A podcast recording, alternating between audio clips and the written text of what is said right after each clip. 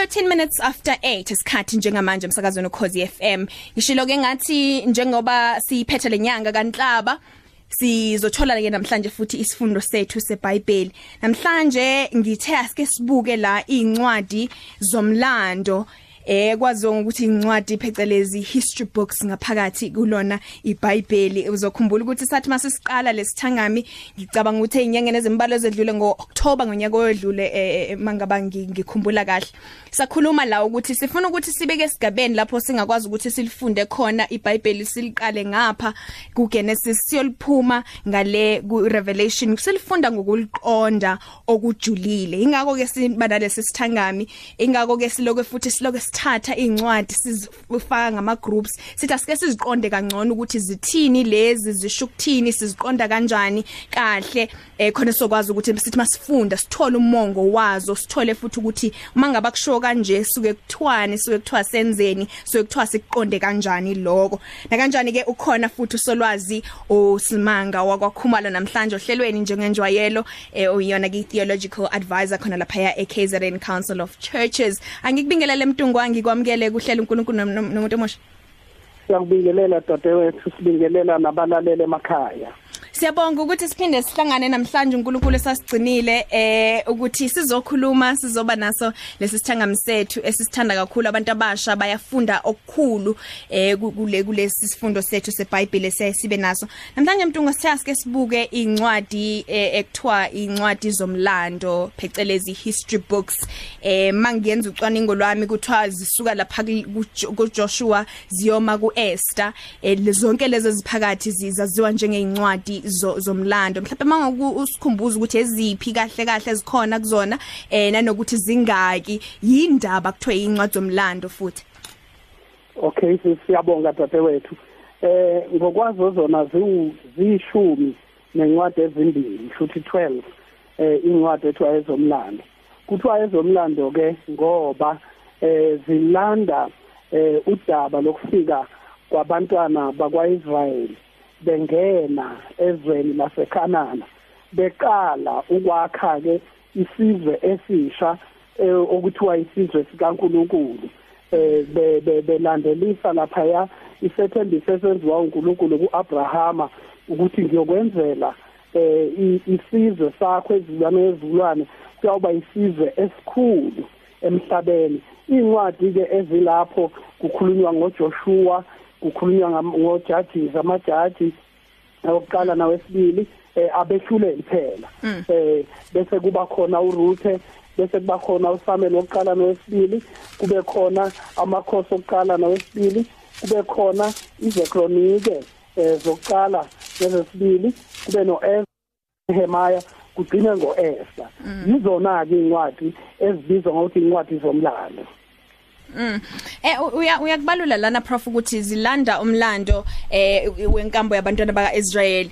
Eh ngifuna ukuthi sibuke ukuthi thina ke njengentsha yango 2021 intsha ephila eAfrica eNingizimu Afrika. Eh sisizibheka kanjani lezi incwadi um, umongo wazo siuthatha kanjani? Siubhekise impilweni zethu? Sithi masilifunda iBhayibheli sazi ukuthi nathi kusasithinta okubhalwe kuzona lezi incwadi oh yes dadewethu okokuqala nje mangisho ukuthi angiqale ngizoya ngencwadi ngencwadi ukuthi le ibhalwa ubani kimi kutheni umyalezo uthini. Ngizozama ndikusheshisa ngingasithi mm. isikhathi. Okokuqala sikhuluma ngoJoshua. Eqinisweni le ebizwa ngoJoshua ayaziwa kahle ukuthi yabhalwa ubani mm. kodwa inikezwa igama lakhe. Umsebenzi wa ukubhalwa kwayo ke futhi nesikhathi iyaziwa ukuthi ibhalwe uJoshua kodwa ukungazeki kahle yisikhathi. Ukuthi yabhale kanini okubalekile ngayo ukuthi isikhumbuza ukwethembeka kukaNkuluNkulu ukuthi njengoba wayethembisile ukuthi aba isizwe sakhe noba isizukulwane sakhe sika Abrahama siyoba isizwe esikhulu. Sesiyabonakala ke sesingena laphayana. Leso sithembiso wayesenze kuGenesis 12 verse 1 to 3 sesiyabonakala uma sesingena ekanana eh labo abangenayo ukuthi baba isizwe esikhulu. Lokho ke umyalezo wako ukuthi uNkulunkulu wakha isizwe sakaIsrayeli esakha ngaphasi kwesizukulwane sikaJoshua lokho ukuthi sizoba isibane abantu bazi ukuthi kukhona abantu bakaNkuluNkulu. Bafunde kubona ke bayeke bonke uNkulunkulu babo balandele sona isizwe sika sika Israel okuwa abantwana baka Abraham bese kuba khona amaja abehluleli. Abehluleli babhalwa uSamuel. Unyaka 1000 years before Christ. 1000 before kufika uJesu Kristu. And into ebonakalayo lapha yana dala ngesikhathi esinzima boniswa lapha ama-judges ngoba for 300 years akunamholi kwaIsrael emveni kokushona kukaJoshua abantwana bakaIsrael bamane baphathwa nje abantu abavelayo Deborah noGideon nabanye abafike babaphathe ngokobuzwe ethnic ethnicity. Babakhokhele ngaleso sikhathi. For 300 years ke kune gap of leadership. Kodwa kubonakala lapho umyalezo wakhona ukuthi uma ngabe kune gap of leadership kugcina sekuvela abaholi laphana laphaya besiza abanye bengasiza abanye.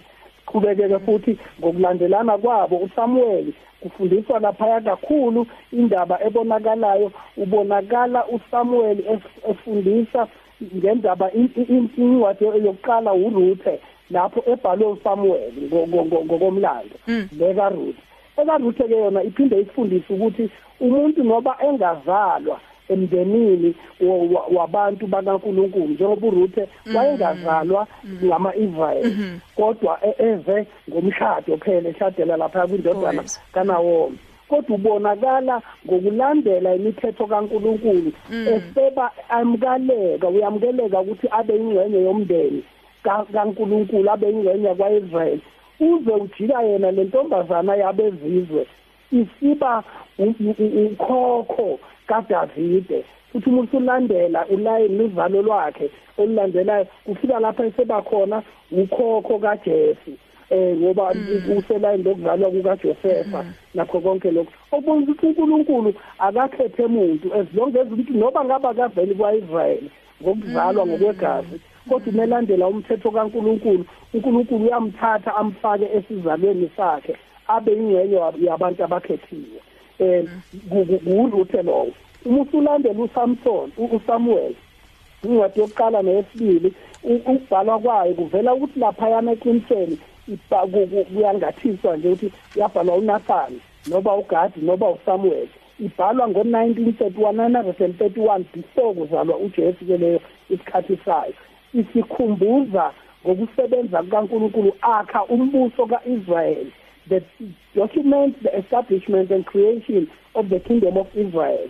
Okubalulekile lapho kakhulu ukuthi uma ngabe ubuholi obukhona ezweni uhlonipha uNkulunkulu buba nempumelelo. Kodwa uma ngabe bungamhloniphi uNkulunkulu iyaphunyuka inkululeko kube nechaos ezweni bese kulandela amakhosi laphayana uma uwabheka nawo dadewethu ngokwawo uphinde uma kuthiwa abhalwe ubani amakhosi incwadi ezimbili lezi zamakhosi bayeke baveze ukuthi ngathi wabhalwa uJeremiya kodwa uma sesilandela kahle noJeremiya wayeseshonile ngaleso sikhathi sekugcina singazi kathi bese sicathi abaprofeti ababhala ngoba yona yabhalwa ngo-562 BC before Christ.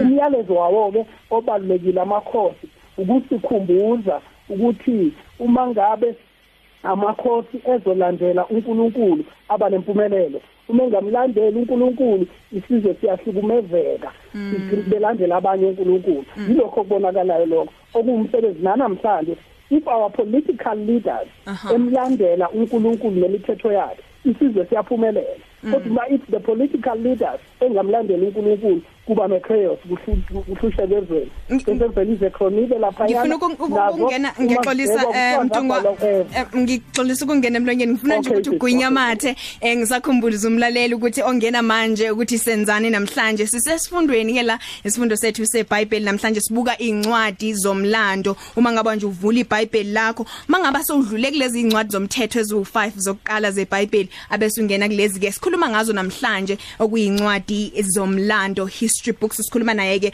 usolwazi uSimanga Khumalo njengoba ke esilandisa eh, umuzwa ke njengoba ngimngene emlonyeni. Kodwa ngisafuna ukuthi nawe lapha ku Twitter na ku Facebook si live lapha ku Facebook page uboniswa moto abese ku Twitter kube @ukozi_fm @boniswa_moto ngifuna ukuthi sibuyele kuwena Mtungwa. Ngikukhumbuza futhi umlaleli ukuthi na kanjani podcast www.ukozifm.co.za uzoyithola i-podcast yalesi sifundo sanamhlanje. Eh asiqhubeke size kwelandelayo Mtungwa Ngiyabonga dadewethu eh bese kuba khona ke lapha incwadi yezekronike izekronike zibhalwa uEzra. uEzra uwumprofeti uwumpristi.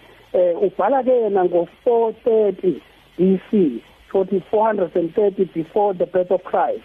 Into ebalekile lapho sizokhumbula ukuthi lapha kuma kings ngokuphambuka kwawo amakhosi. Badima abantwana bakwaIsrael sebethathiwe beyogcilazwa eBabylon bahlukunyezwa and all that. Bayabuyiswa ke uEzra umemezela ukuthi uNkulunkulu uzobakhulula. Incwadi ke kaEzra izama ukulanda umlando ukuthi uNkulunkulu wayekade esakhele sizwe enenjongo ngaso. So ke nangemva kokugcelazwa eBabylon sebebuyile bekhululekile. uNkulunkulu senephupho ngabo uhlanganisa lo mlando. Wa before iexile na na na and after exile uzama ukwenza lokho. Kuthi nake kusifundisani lokho? Kusifundisa ukuthi noba isizwe singahlukumezeka uma sesiphambukile entandweni kaNkulunkulu kodwa ekugcineni kwakho konke intando kaNkulunkulu iyona ebusayo mm. ephinde futhi ibabuyisele enkululekweni yabo abantu baqhubeke baphile sekuba nencwadi le yakhe yena uEzra uqobo lwakhe eh, eyabhalwa eh, uyena lapha yana yona uma eyibhala uyibhala ngo430 nayo futhi enokubalekile eh, ngayo isifundisa ukwethembeka kukaNkuluNkulu eh ngezithembiso zakhe. Ukuthi uma uNkulunkulu ethu abantu bakhe uzabakhulula uyabakhulula phela. Nathi ke namhlanje lokho ukuthi noba singathatha kangakanani isikhathi sokuhlupheka nesendlala nobunzima kodwa ekugcineni mm. okuyophumelela intando kaNkuluNkulu. Bese kuba nencwadi kaNehemiya eh laphayana siyayazi ke sonke ijwayelekile kakhulu. Incwadi kaNehemiya nayo ngokwayo uma kulandeleka kahle ibhalwe uEzra. Noba kwaba khona ama contributions ayekade ama pieces here and there ayefakwe uNehemiya uqobo lwakhe. Kodwa yona nje ukuyiqopha ngokuphelele iqopha uEzra ngo4 ngo 423 BC eh before Christ. Into ebalekile ke uzama ukurekhoda ukuthi babuya kanjani eBabylon abantwana baIsrael lapho basebekade begcikazeke khona babuya kanjani ke ukubuyela bayowakha kabusha izwe labo mm. kufundisani lokho kufundisa ukuthi noba singaba nesikhathi esinzima lapha ama-Afrika esuka emazweni abo egcilazwa ebalekela kwamanye amazwe agcwele njengoba ama-Afrika nje agcwele umhlaba wonke kuthiwa there are Africans in the diaspora and all that mm. kodwa mangaba abantu bethembekile kuNkulunkulu besebenzisana bebambisana bangawubuyisela umbuso wabo wama-Afrika ebu-African bazakhele izwekazi lase-Afrika elinempumelelo nalo eyokugcina ke dadewethu uEsa uEsa eqinisele naye akwaziwa kahle ukuthi wabhalwa ubani. Kuyangathiswa nje ukuthi yangathekiswa ukuthi eh, uEva owabhala uMordekhai uNehemaya kulabo omunye wabo noba bona kuthathwe ukubhala kwabo kwahlukahlukene. Hmm. yona ke ibhalwe ngo 470 BC okubalulekile lapho ukuthi ngesikhathi abantu bakaNkuluNkulu bebhekene nezitha ezingababulala lokho kokuthi babulale isizwe igenocide hmm. ngoba babebhekene naloko abantwana bakwaIsrael uNkulunkulu uyangenelela asebenzise omunye wabo kwesinye isikhathi asebenzise umuntu ongalindelekile njengentombazanyana uEsther le ukuthi kusetshenziswe yona ukuze kuvikeleke isizwe sakubo sakwaIsrayeli singabulawa. Inkosi yangaleso sikhathi. Ingakho nje kuMordekhai umalume wayo lentombazane esekhuluma ethi ungadebeseli weEsther angeke wazi ukuthi kungani uNkulunkulu ekubeke ngesikhathi esifana nalesi. Maybe ukuthi ubekwazi ukuba umthombo wensindiso yabantu bakho. Zinjalo kwedadewethu lezi incwadi nokuthi zibhalwe obani zizama ukuthini kuthina namhlanje mm. hey yabona ngempela ngifuna ukuthi eh, ngigqugquzele umuntu omusha ekhaya umlaleli ukuthi mangaba sesiliqedile lo luhlelo ngisayifaka nje podcast ngayishare lapha enkundleni zokuxhumana siphinde siyilalele ngoba ngesinye isikhathi ikhona okuzoseqa njengoba sikulalele prof kodwa mase sikulalele ngesikhathi sethu siza ukuthi oh incwadi nencwadi ikhuluma ngani ithini kuthina njengentsha yakulonyaka ngithanda kakhulu okushilo ngencwadi kaRuth ukuthi isikhumbuza ukuthi uNkulunkulu akakhethe bani akakukho sizwe ozosikhetha nje kuphela ukuthi akekho komunye umuntu osezomsebenzisa ngaphandle kwaloso sizwe. Ngiyakuthandeka kakhulu lokho. Ngiyacabanga uh, prof ukuthi ngalesi sikhathi mhlawumbe sesimnikeze ulwazi oluningi umuntu omusha ekhaya kusukela siqala eh, ngenyanga edlule nakulezi ezinye inyanga mhlawumbe nje sesiphetha namhlanje ngikhumbuza ngayo le ndaba yokuthi sifuna ukuthi sibe sesimweni sokuliqonda kahle iBhayibheli sikwazi ukuthi silifunde ngendlela e, e, ezosinikeza umongo owona wona. Eh sakhuluma ngeincwadi zabaprofeti ngokwedlule namhlanje njengoba sibuka lezi incwadi zomlando. Mhlawumbe ke ngokunye sasikhulume ngendaba zeincwadi zomthetho. Mangaba ngifuna ukulifunda iBhayibheli ngithi ke yabona ngizoke ngibeke lo nyaka noma leminyaka emibili ezayo ukuthi ngifunde iBhayibheli ngiliqale ngapha ngize ngiliphume ngale. Mhlawumbe incwadi zomlando singazifaka kuphi? Singaqala ngazo mhlawumbe noma kube ukuthi sizifunda sesiuzwile umthetho wona ukuthi uthini? Iseluleko sakho nje ngaloko solwazi. Hey dadewethu mina ngicabanga ukuthi kwalendlela iBhayibheli elihleleke ngayo. Mm. em kuyasiza ukufunda ulandele ngayo yona lendlela the way it's been structured mm-hmm. eh ngoba liqala ngendalo ukubonisa ukuthi indalo yenzeka kanje kwenzeka kanje ukuze abantu babe khona uNkulunkulu abanobudlelwano nabo ngandlela thizeni imithi imithetho ayibeka bayephula kabantu leyo mithetho kwase kwenzakalala mm. baze bayophelela nje kogibhithe lapho befika khona mm-hmm. futhi uNkulunkulu engenelela ukuthi abaphume egcilazweni kwabo ngoba ufisa ukubakha abe nabantu bakhe mm. uma sebe ekwenza lokho sibona nabaprofeti bezama ukubuyisa abantu endleleni mm. uma sebephambukile bathi mase bebuyile aphinde futhi uNkulunkulu asakhe isizwe sakhe ngabo kulezi incwadi besikade sizisebenzisa namhlanje mm-hmm. uma eqeda lapho sekuzoba nencwadi lezothiwa incwadi zenhlakanipho mm-hmm. books of wisdom lezi sizolandelisa ngazo maybe end of the this next month. Uma kulandelwa lapho kulandela ezinye sekuze kofika ku New Testament. Mm. ngicabanga ukuthi lihlelekile nje mina eh, iBhayibheli ngendlela elibhaleke ngayo. As long as umuntu azi ukuthi lolu uhlalo lencwadi luzama ukuthini mm. lolu olwani olulandela lolo lwani inhloso yalo yini kwenzekani kuzobe sekupheleni Ntobeko nto nonto ku Twitter uthi amen sisiboniswa eh sinawe ninosolwazi ukhumalo. Siyabonga kakhulu ngokuthi nisambulele esingakwazi ngeBhayibheli. uNkulunkulu anibusise siyabonga. Eh ngiyacabanga ukuthi prof njengamanje ngafisa ukuthi nje sesivala mhlawumbe lakho lokugcina ukusigqugquzela futhi kakhulukazi sabantu abasha ukuthi sidlinze ngezwi likaNkulunkulu sithathe isikhathi sokuthi sifunde izwi likaNkulunkulu. Eh sikubeke phambili lo ukuthi sifune umbuso kaNkulunkulu khona okunye kuyokwenezelelwa kuloko ngicabanga ukuthi umuntu angabakhuthaza abantu abasha ikakhulu laba abalithandayo iBhayibheli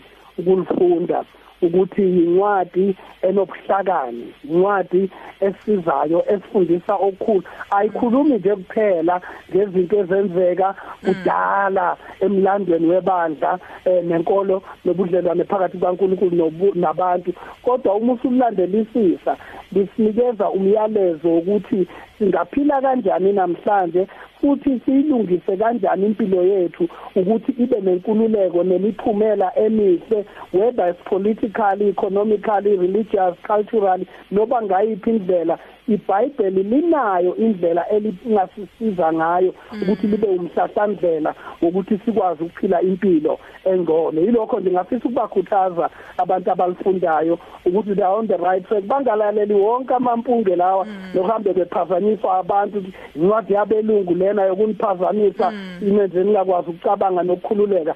Hayi amaphutha le lokho abantu abangakwazi abaziyo bayazi ukuthi iBhayibheli liyimpilo futhi inempilo nenkululeko.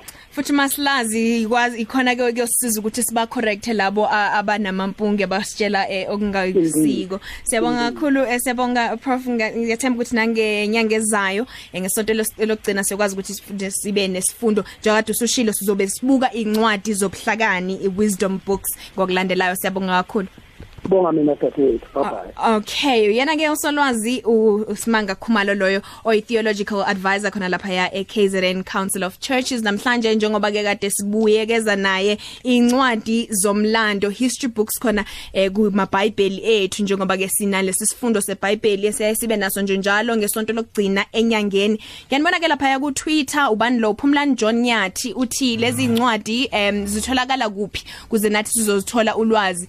Eh Phumlani bengibekade ngichazile ekuqaleni ukuthi yabona nje le kade sikhuluma ngazo namhlanje zisuka lapha uma ngaba usuqedele ezu ezu5 zokuqala kusho ukuthi usukela kwincwadi ye6 eh bese ke uqhubeka nazo kanjalo. Usibonelo Bede eSeaford uthi sawubona boniswa sibonge ngencazelo esizitholayo ngeBhayibheli sithi sifunda okukhulu kulolu hlelo. Ubusi inkabinde okhukho naye uthi sawubona sisiboniswa ngilalele ngila eMayville eCattle Crest at ukhozi_fm pume masikane naye uthi #uNkulunkulu nomuntu omusha. Naye ke umpume uhamba emazweni kaprof ukuthi mangaba sifunda iBhayibheli uthi nje mina ngokokwami ngibona kufanele siliqale la liqala khona ngoba siyakwazi ukuthi eh, si- ngeke sikwazi ukuthi sivele nje sifunde eh eh, umlando singakwazi okunye ok- ok- okungaphambi kwaloko ukuze sazi ukuthi si oh abesaqhubeka athi khona siyokwazi ukuthi la siya khona kumele kube ukuthi siyazi la sisuka khona. Sho kanjalo ke ku Twitter. Phephe eh, phelelani ndebele kwamaceba uthi ke uyalithanda kakhulu lohlelo #uNkulunkulu nomuntu omusha. Ngifuna ukuthi ke ngidlulise izitolo abese siyabuya siphuthuma lapha entshumayelweni yethu namhlanje. Eh njengoba kade ngishilo ukuthi ngikuphathele ingcenye yesibili entshumayelo sayiqala ngesonto ledlule ethi ungadayisi ngokholo noma ngaba sebekunikeza ioffer engakanani? Yazweni ukuthi ukholo lwakho alunayo imali elungayithengwa iyona eh usho kanjalo ke umfundisi ubuthelezi bathi ke ushabadai sobe sithola ke lentshumayelo ngale kwalapha uNkulunkulu nomuntu omusha Noboniso Moto